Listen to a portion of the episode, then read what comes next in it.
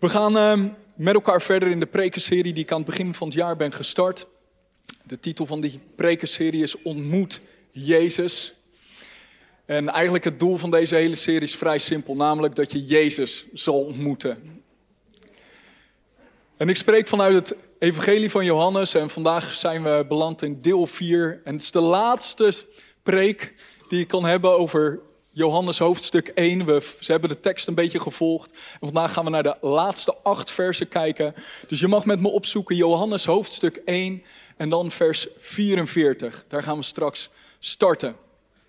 En terwijl je aan het zoeken bent, nog even de context. Johannes 1, als je daarin gaat lezen, dan zie je dat Jezus op het toneel verschijnt in vers 29. Jezus wordt gedoopt door Johannes de Doper. En de volgende dag ziet Johannes de Doper Jezus opnieuw. En dan zegt hij, zie het lam van God. En er staan twee discipelen van Johannes de Doper naast Johannes de Doper. En ze beginnen achter Jezus aan te gaan. Ze beginnen hem te volgen. En terwijl ze dat doen, ontmoeten ze Jezus. De eerste twee discipelen zijn Andreas en een discipel waarvan we de naam niet weten, maar is vermoedelijk Johannes, de auteur van het Evangelie van Johannes en een van de twaalf apostelen. Wat we dan vervolgens zien is dat Andreas, zegt de Bijbel, hij vindt Petrus, zijn broer Petrus. Andreas en Petrus zijn broers. En de Bijbel zegt hij vindt Petrus. En het is zo cool, in vers 43 staat, of vers 42 staat dan, dat, dat hij zegt tegen zijn broer, we hebben de Messias gevonden, op wie we zo lang hebben gewacht. En dan vers 43, en hij leidde hem tot Jezus. En dat is waar we hem oppakken in vers 44. Bij mij staat er boven Filippus en Nathanael. Ik heb het extra klein gemaakt, zodat je nog steeds je Bijbel mee moet nemen naar de kerk. Dus de herziende statenvertaling waar ik uh, vanuit lees, eigenlijk mijn favoriete Bijbelvertaling, maar zoals jullie merken switchen we tussen verschillende vertalingen, omdat we vooral willen dat je ervaart dat Jezus spreekt en dat Hij spreekt in zijn essentie tot jouw hart en tot jouw leven. Ik ga lezen. Vers 44 starten we dus. De volgende dag wilde Jezus weggaan naar Galilea. En hij vond Filippus en zei tegen hem, volg mij. Filippus nu kwam uit Bethsaida, uit de stad van Andreas en Petrus. Filippus vond Nathanael en zei tegen hem, wij hebben hem gevonden over wie Mozes in de wet geschreven heeft. En ook de profeten, namelijk Jezus, de zoon van Jozef, uit Nazareth. En Nathanael zei tegen hem, kan uit Nazareth iets goeds komen? Filippus zei tegen hem, kom en zie. Jezus zag Nathanael naar zich toe komen en zei over hem, zie, werkelijk een Israëliet in wie geen bedrog is. Nathanael zei tegen hem, van waar kent u mij?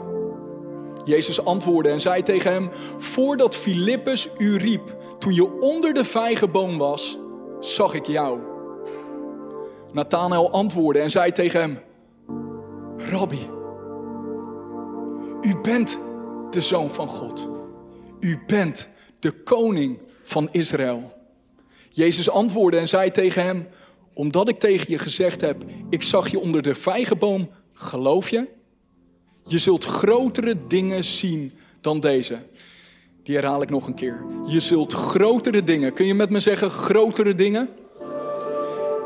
Je zult grotere dingen zien dan deze. En hij zei tegen hem, voorwaar, voorwaar, ik zeg u allen, van nu af zul je de hemel geopend zien en de engelen van God opklimmen en neerdalen op de zoon des mensen. Dit is de favoriete benaming die Jezus zichzelf geeft. We lezen het elke keer, de zoon des mensen. Jezus noemt zichzelf de zoon des mensen, omdat hij zich identificeert met de menselijkheid van jou en mij. Hij zegt, ik ben gekomen als mens om jou als mens aan te raken en jou te redden. De titel van mijn boodschap vandaag is Een nieuwe pagina een nieuwe pagina. En ik geloof dat dit de essentie is van wat God vandaag wil doen en wil spreken. Hij wil de pagina omslaan in mensenlevens. Hij wil een nieuw verhaal schrijven. Hij wil iets nieuws doen. Hij wil je opnieuw opwekken. Een nieuwe pagina. En Heer Jezus, zo nodig ik u uit om te doen wat alleen u kan doen. Uw woord is scherper dan een tweesnijdend zwaard. Mijn woord kan niet het verschil maken. Maar als u spreekt, Heilige Geest, dan verandert ons. Dan hebben we één moment nodig, zoals Nathanael één moment nodig had met u in uw aanwezigheid. En toen u sprak tot zijn hart, was alles anders. En zo nodig ik u uit om vandaag te spreken tot harten. Om te ontmoeten. Ontmoet ons. Openbaar uzelf. Laat u zelf zien. We hebben u nodig, God. We hebben u nodig. In Jezus' naam. Amen. Amen. Ik ga vandaag vers voor vers prediken. Dus we hebben acht versen. Dus kan je ongeveer een beetje de tijd bijhouden. Sommige versen zal ik wat sneller doorheen gaan. Andere zullen wat langer bij stil gaan staan. Maar we gaan dus beginnen in vers 44. En in vers 44, daar staat... De volgende dag wilde Jezus weggaan naar Galilea. En hij vond Filippus. En zei tegen hem, volg mij. Ik hou ervan om naar al die verschillende woorden te kijken in die versen. En als ik hier lees, dan, dan zie ik dat Jezus zegt, of eigenlijk Johannes zegt, maar laat zien dat Jezus vond. Jezus vond Filippus. Het is niet dat Filippus Jezus vond, Jezus vond Filippus. Wij houden ervan om te zeggen, oh man, het is geweldig, hij is tot Jezus gekomen, hij heeft Jezus gevonden. Maar eigenlijk is dat niet correct, want wij vinden Jezus niet, Jezus vindt ons. Jezus is continu op zoek, op de uitkijk naar jou en naar mij, omdat Hij ons hart wil raken, omdat Hij ons wil aanraken, omdat Hij ons wil redden, omdat Hij ons wil halen uit ons vleeselijke leven en ons wil brengen in Zijn bestemming en Zijn hoopvolle toekomst voor ons leven. Kan ik amen horen? Jezus vond Filippus. Jezus zoekt mensen. Jezus zoekt verloren mensen. Filippus was een Griekse naam. Het was een naam die heel populair was onder de heidenen. En dan staat er in vers 45. Filippus, Bas, Peter, Bas, vers 45. Filippus nu kwam uit Bethsaida. We gaan teamen vandaag. Ik heb gezegd, je moet heel scherp blijven, Bas, want ik ga van het ene vers naar het andere vers en soms vooruit, soms achteruit. Filippus nu kwam uit Bethsaida, uit de stad van Andreas en Petrus. Dus we lezen dit verhaal en opeens lezen we nu waar Filippus vandaan komt. Waarom horen we dat hij komt uit Bethsaida? Bethsaida was een vissersplaats, het was een vissersstad en het was een goddeloze stad. Je zegt, Mark, hoe kan je dat zo zeggen? Omdat Jezus vervolgens in Matthäus 11, vers 21 over deze stad spreekt. En dan zegt hij, wee u, Gorazin, wee u, Bethsaida. Want als in Tyrus en Sidon de krachten gebeurd waren die in uw plaats gevonden hebben, dan zouden zij zich al lang in zak en as bekeerd hebben. Dus deze stad was zo goddeloos dat Jezus er extra krachten deed. Jezus is niet bang voor de duisternis. Jezus is niet bang voor de nacht. Hij gaat de nacht in. Hij ging Bethsaida in om wonderen te doen, om tekenen te doen, om zichzelf te laten zien en zichzelf te openbaren aan deze stad. Het is een teken van Gods genade, van de genade van Jezus die uitreikt naar donkere, verloren mensen en plekken, omdat Hij een God is van genade. En drie van de twaalf discipelen komen uit deze stad. Jezus kiest hen uit, uit die uitzichtloze stad omdat Jezus altijd hoop heeft en mensen zoekt op de meest donkere plek, omdat Hij redding wil brengen. Jezus zoekt mensen. Lucas 19, vers 10, want de zoon des mensen is gekomen om het verlorene te zoeken en te redden. Jezus zoekt. 2 Petrus 3, vers 9. Hij wil niet dat iemand verloren gaat. Maar hij wil dat alle mensen tot bekering komen. Weet je wat mij dat zegt? Dat er hoop is voor jou. Dat er hoop is voor jouw familie. Dat het niet uitmaakt waar je vandaan komt. Dat het niet uitmaakt in welke stad je bent geboren of aan welke kant van het spoor je komt. Maar dat Jezus zegt, wat je ook hebt gedaan, waar je ook vandaan komt, wat je achtergrond ook is, ik zoek jou en ik blijf zoeken totdat ik je zal vinden. Dit is de liefde van Jezus. Vers 44. De volgende dag wilde Jezus weggaan. En wat zei hij vervolgens toen hij, toen hij Filippus vond? Hij zei, volg mij. Hij zei tegen Filippus, ik heb een betere weg. Volg mij. Ik ben de weg. Ik ben de waarheid. En ik ben het leven. Johannes 10, vers 10. De dief komt niet dan om te stelen en te, en, en te slachten en verloren te laten gaan. Maar Jezus zegt, ik ben gekomen. Zodat je leven zal hebben en overvloed. Jezus zegt, kom en volg mij. Ik heb overvloed voor je. Ik ben de weg. Ik ben de waarheid. En ik ben het leven waar je naar op zoek bent. Waar je naar hunkert. Waar je naar verlangt. Matthäus 11, vers 28 tot 30 in de message-vertaling. Jezus zegt, ben je moe? Ben je uitgeput? Ben je opgebrand door religie? Kom naar mij toe. Oftewel, volg mij. Kom met mij mee en vind je leven terug. Ik zal je laten zien hoe je echt kunt uitrusten. Wandel met me mee en werk naast me. Kijk maar hoe ik het doe. Leer het ongedwongen ritme van genade kennen. Ik zal je niets zwaars opleggen of iets wat niet past. Blijf in mijn gezelschap. Dan leer je echt te leven, vrij en licht. Dit is het dit is het erfdeel. Dit is wat Jezus voor je heeft. Een leven wat vrij en wat licht is. Een hoopvolle toekomst. Als je Jezus volgt, als je met mij wandelt. Jezus zegt tegen Filippus, volg mij.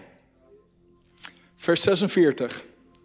Filippus vond Nathanael. Is dit niet boeiend? Dus Jezus vindt Filippus en Filippus vindt Nathanael. Dit is een herhaling. Namelijk, Jezus vindt Andreas en de andere discipel vermoedelijk Johannes. En Andreas vindt Petrus. Dankjewel, één persoon. Ankje, tien punten. En dit is het patroon wat we zien. Jezus vindt, en de mensen die gevonden zijn, vinden andere mensen. Hij zegt, volg mij. En dan Filippus vond Nathanael. Dus Filippus vond Nathanael en zei tegen hem: We hebben hem gevonden. Over wie Mozes in de wet geschreven heeft en ook de profeten, namelijk Jezus, de zoon van Jozef uit Nazareth. We hebben hem gevonden. We hebben hem gevonden. Kun je de ontmoeting voor je zien? Dat Filippus Andreas ontmoet en zegt: We hebben hem gevonden, eindelijk. We hebben al onze inspanning gebruikt om hem te vinden. We keken uit naar de komst van de Messias en nu hebben we hem gevonden. Uiteindelijk is hij gekomen en we hebben hem gevonden. We hebben hem gevonden. Er was zo'n verlangen en zo'n verwachting in Filippus dat Jezus, dat de Messias zou komen. Nu, wat mij fascineert. Hij zegt, we hebben hem gevonden over wie Mozes en de profeten hebben geschreven. Hoe lang heeft Filippus Jezus gezien en meegemaakt? Misschien 24 uur? Hoe kan hij dit zeggen? Dat Jezus de vervulling is van die hele belofte, van de wet en alle profeten. We lezen later in alle evangelieën hoe Jezus stap voor stap al die profetieën vervulde. Ik heb er vorige keer over gesproken. Jezus de Messias en het hele Nieuwe Testament zie je de bewijslast dat Jezus werkelijk de Messias is. Maar we zien dat niet in Filippus. Filippus die roept gewoon, we hebben hem gevonden. De vervulling van de wet en de profeten. Het is de Messias. Hij is het. Hoe komt dat? Omdat hij Jezus heeft ontmoet. Het herinnert mij eraan dat het draait om Jezus en Hem ontmoeten. Een ontmoeting met Jezus geeft ons openbaring en vernieuwing en verandering. Boven het woord van God, op het moment dat de Heilige Geest daarop blaast en Jezus geopenbaard wordt, dan hebben we niet allemaal bewijslast meer nodig.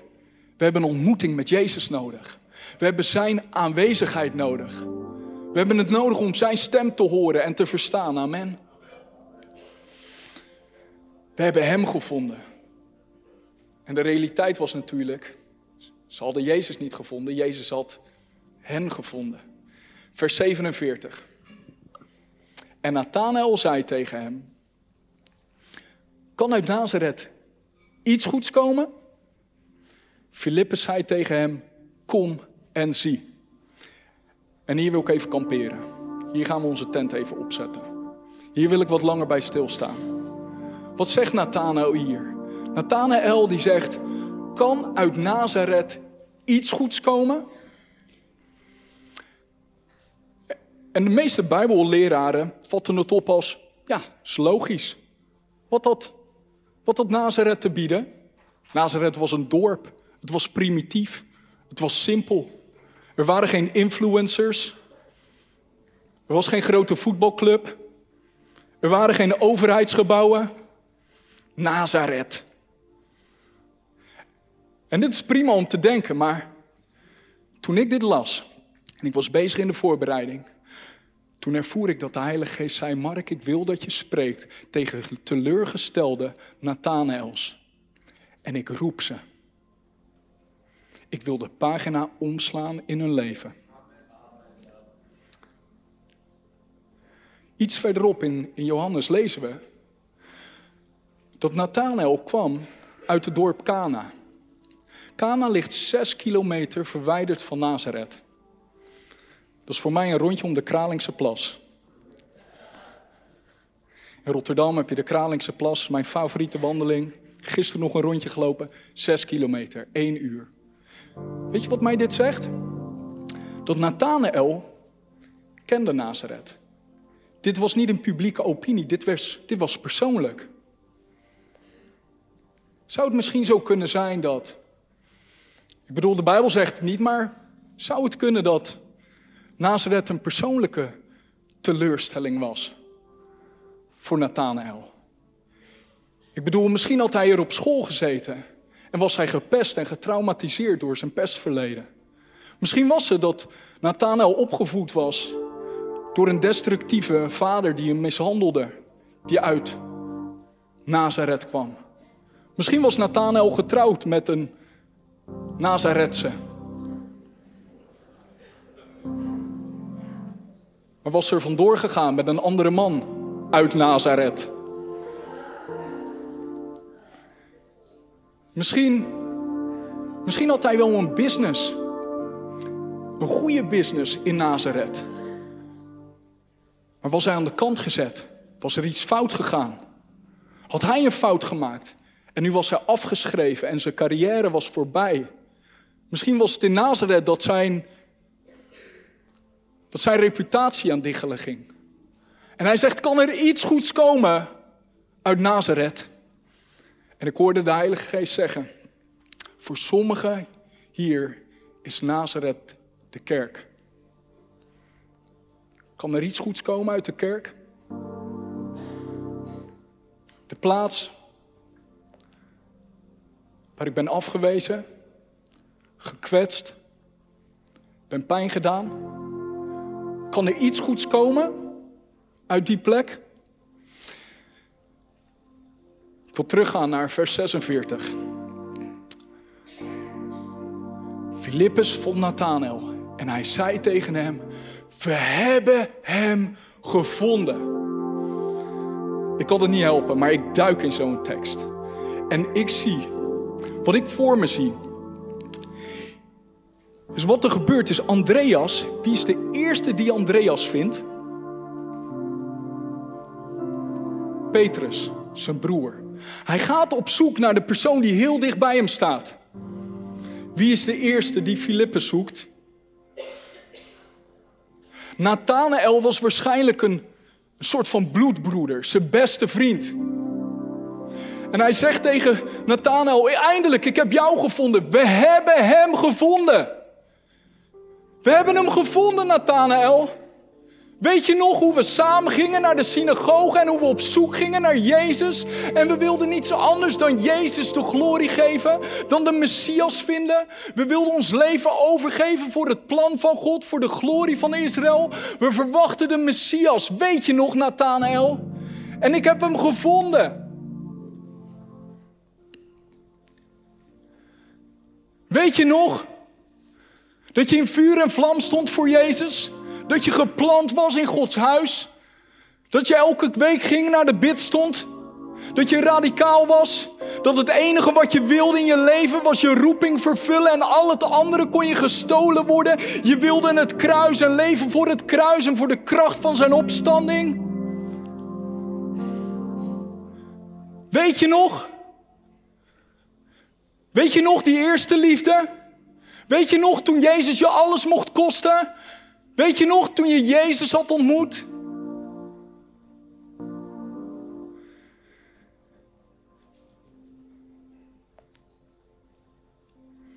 Je was betrokken in de kerk. Je diende met hart en ziel. Je wilde alles overgeven voor Jezus. En nu, je bent teleurgesteld. Je bent pijn gedaan. Je bent gekwetst. Je bent overgeslagen. Je voelt je vergeten, gepasseerd, gedisqualificeerd. En er is iets gebeurd in je hart. Je bent onverschilliger geworden over de dingen van God. Je gaat wel naar de kerk. Je houdt wel van God. Maar je beschermt jezelf. Er is een bepaalde hardheid gekomen. Een afstand. Een kilheid. Een oordeel. En je beschermt jezelf terwijl je de gemeente bent. Weet je nog? Nathanael zegt: Nathanael, Jezus roept je. Jezus roept je. Jezus roept jou. En hij heeft mij gezonden vandaag om te zeggen: Ik wil de pagina omslaan in jouw leven. Merk op dat Filippus niet in discussie gaat. Dus hij hoort dit aan. Hij voelt de hele emotionele lading van Nathanael. En wat zegt hij? Vers 47. Kom en zie. Simpelweg. Kom en zie. Hoe kwam hij aan deze zin? Geleerd van de meester. Want op het moment dat Andreas en Johannes in aanraking kwamen met Jezus en Jezus ontmoetten, toen zei Jezus tegen hen: Kom en zie. Kom en zie waar ik woon. En nu was het Filippus die zei tegen Nathanael, kom en zie. En dit is wat er gebeurt. Vers 48. Jezus zag Nathanael naar zich toe komen en zei over hem, zie, werkelijk een Israëliet in wie geen bedrog is. Ik heb deze tekst zo vaak gelezen de afgelopen dagen. En ik vraag me af, hè, zei Jezus dit omdat dit echt zo was? Of sprak Jezus dit uit als een profetie over Nathanael? Ik bedoel, een paar versen eerder zegt Jezus: Jij bent Simon en ik noem jou Kefas, wat vertaald wordt als Petrus, wat betekent rots. Dus Jezus spreekt toekomst. Jezus spreekt profetie. Jezus kijkt door de buitenkant heen en ziet de binnenkant wat God in hem heeft gelegd. Als ik deze tekst lees, dan moet ik denken aan waar Israël allemaal begon. Weet je nog met wie het allemaal begon? Jacob. Jacob betekent letterlijk hielenlichter, bedrieger. En dat is het spoor wat Jacob achterliet. Bedriegen en hielen lichten in zijn eigen voordeel. En dan worstelt hij met God in, in Genesis 32. En God spreekt vanaf nu, heet je geen Jacob, maar je heet Israël.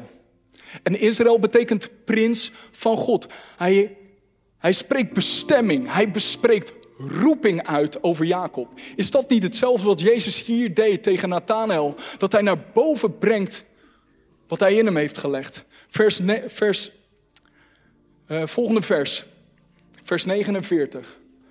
Nathanael zei tegen hem, van waar kent u mij? Of misschien zei hij het wel geïrriteerd. Van waar kent u mij? Maar je proeft weerstand. Terwijl Nathanael dit zegt, kijkt Jezus hem aan. Ze hebben contact nu. Het is niet meer op afstand. Ze staan tegenover elkaar. En Jezus kijkt in de ogen van Nathanael en zegt: Voordat Filippus u riep, voordat Filippus je riep, toen zag ik jou onder de vijgenboom. voordat Filippus je riep, toen je onder de vijgenboom was, zag ik jou. En op dit moment staat de wereld stil van Nathanael. Alles staat stil. We weten niet precies wat er gebeurt en de lading van, van wat Jezus hier allemaal zegt. Het is gissen voor ons. Maar wat we weten is dat het zo diep is, dat het zo doorborend is. Wat Jezus hier zegt, is, is dat het volgende vers, vers 50, Nathanael's respons is. Nathanael zegt, Rabbi, u bent de Zoon van God. U bent de koning van Israël. Wat gebeurt hier in deze scène? Ik ben een fan van The Chosen. Ken je die serie, The Chosen? Gaat over het leven van Jezus. Echt, als je één ding haalt uit deze preek, is het The Chosen. Ja, ga hem kijken. Kan hem gratis kijken. Op een app kan je hem gewoon streamen naar je televisie. Mooiste serie, alle tijden wat mij betreft, over het leven van Jezus. Super tof. En er is een aflevering in seizoen 2, deel 3. En dat gaat over het leven van Nathanael. En we lezen eigenlijk tussen de regels door over hoe het eruit had kunnen zien. En in deze aflevering zien we dat Nathanael is aan het einde van zichzelf. Dat hij uitroept naar God: God, waar bent u? Hij is helemaal alleen. Hij denkt, mijn leven is voorbij, het is over. God, ik wilde u dienen. Maar nu is het allemaal voorbij. En dan roept hij uit naar God en dan zegt hij, God, bent u er? En het blijft doodstil. En die scène vindt zich, speelt zich af onder de vijgenboom.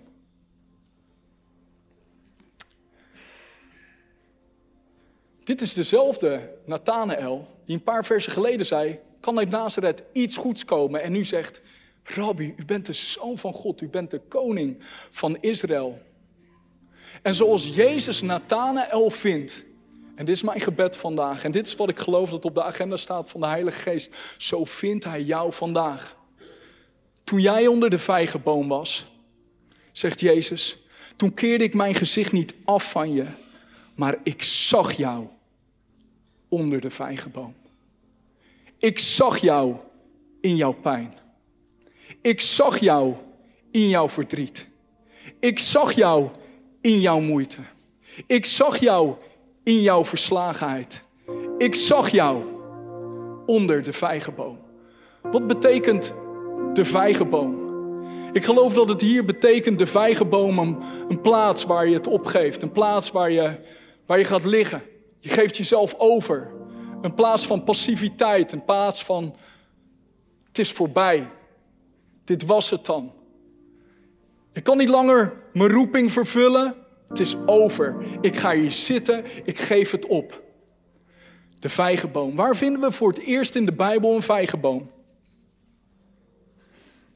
Genesis, hoofdstuk 3. En wat we daar zien, is dat Adam en Eva zich bedekken onder vijgenbladeren. In hun schaamte, in hun schuld. En het is alsof Nathanael onder de vijgenboom ging zitten en zich bedekte onder de bladeren. Hij bedekte zich, hij verschool zich, hij, hij verborg zich. En Jezus zegt, toen jij je verborg onder de vijgenboom, toen zag ik jou. Toen jij je verborg in schaamte, toen zag ik jou. Toen jij je verborg achter bladeren van, van schuld, van teleurstelling, van pijn, toen zag ik jou. Toen jij je verborg achter bladeren van, van gekwetstheid, van boosheid, van oordeel, toen zag ik jou. Toen jij je verborg achter teleurstelling, toen zag ik jou. Toen jij helde, ik zag jou. Toen jij je taken neerlegde omdat je het niet meer kon opbrengen, ik zag jou. Toen jij de kerk verliet, ik zag jou. Ik zag jou. Ik zag jou. Ik zag jou. Ik zag jou onder de vijgenboom. Ik zag jou achter de vijgenbladeren. En vandaag zijn er zoveel vijgenbladeren hier waarmee wij ons verschuilen voor de roeping waarvoor Jezus ons heeft geroepen. En ik ben hier om je vandaag te zeggen: kom achter de vijgenbladeren vandaan. Kom onder de vijgenboom vandaan. Want Jezus heeft een plan, hij heeft een bestemming, hij heeft een roeping. En Jezus zegt: Ik zie jou en mijn roeping staat nog steeds vast tot het moment dat die vervuld wordt. Je bent niet gepasseerd, je bent niet gedisqualificeerd. Het is niet voorbij, maar ik roep jou. Ik zag jou onder de vijgenboom en ik roep jou onder de vijgenboom vandaag. Want er is een moment dat ik jou roep, een kairos moment om terug te komen in jouw roeping. En het moment is vandaag.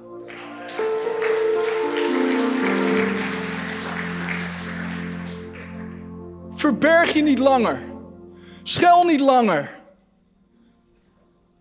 Kom niet langer naar de kerk als een kerkganger. Dit is te belangrijk. Het vuur wat je hebt gevoeld voor Jezus is het vuur wat opnieuw wordt aangewakkerd. Jezus zegt: Kijk opnieuw in mijn ogen. Je hebt een ontmoeting nodig met Jezus. Ontmoet Jezus. Niet ontmoet religie. Niet ontmoet harde werken. Ontmoet Jezus. Ga in zijn ritme van genade. En zie dat hij een plan heeft en een roeping en een bestemming om je een man of een vrouw te laten zijn die in vuur en vlam staat voor zijn koninkrijk. Het is niet voorbij, het is niet over. Het is het moment om in te stappen. Jezus heeft een roeping en een bestemming over jou. Kom, verberg je niet langer. Kom onder de vijgenboom vandaan.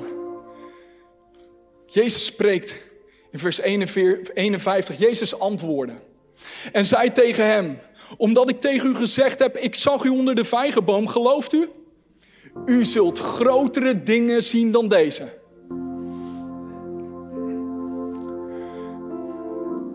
Weet je wat Jezus doet vandaag? Hij zet de roeping vrij.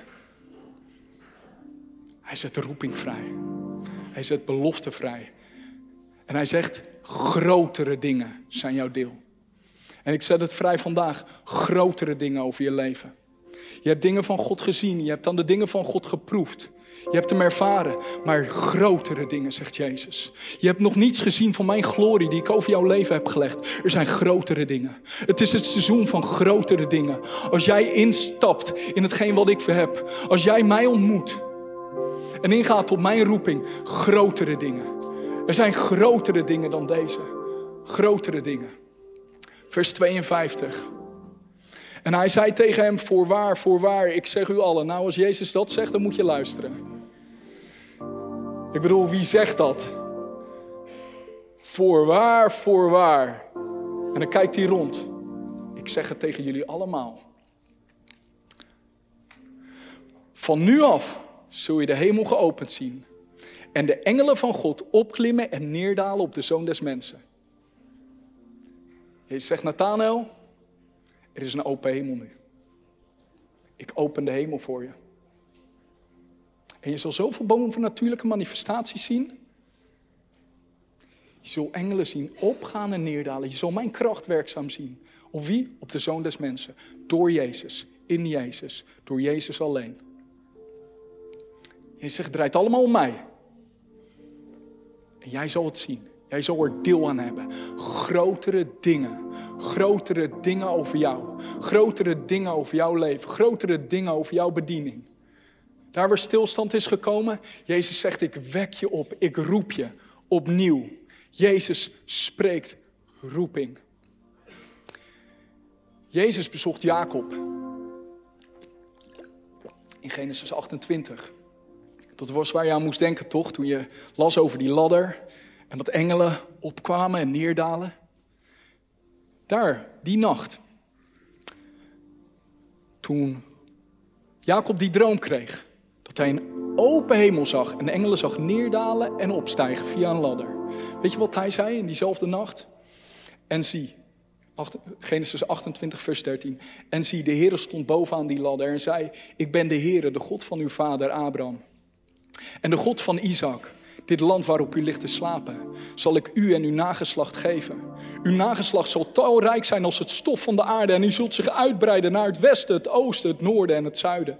In u en uw nageslacht zullen alle geslachten van de aardbodem gezegend worden. En zie, ik ben met u. Ik zal u beschermen overal waar u heen zult gaan en ik zal u terugbrengen in dit land, want ik zal u niet verlaten totdat ik gedaan heb wat ik tot u gesproken heb. En ik hoop dat het land in jouw geest, want hetzelfde woorden die hij sprak tot Jacob, spreekt hij tot jou vandaag, want ik zal u niet verlaten totdat ik gedaan heb wat ik tot je heb gesproken.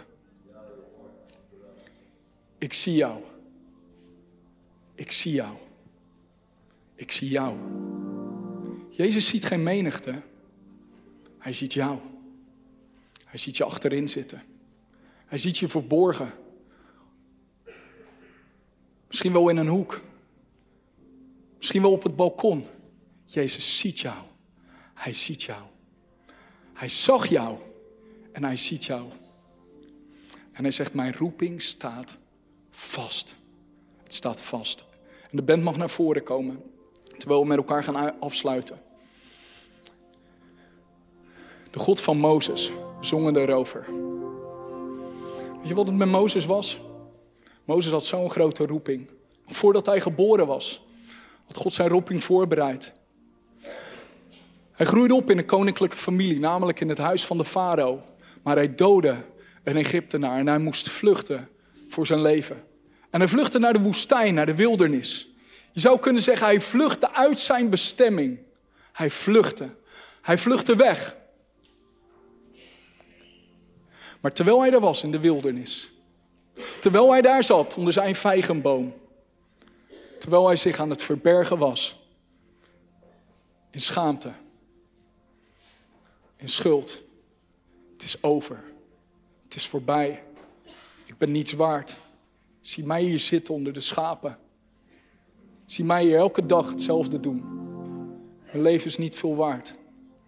Op dat moment Terwijl hij is in de wildernis, is er een brandende braamstruik. En uit die brandende braamstruik komt een stem. En die stem zegt: Mozes, ik roep jou. Het is niet voorbij. Het is niet over.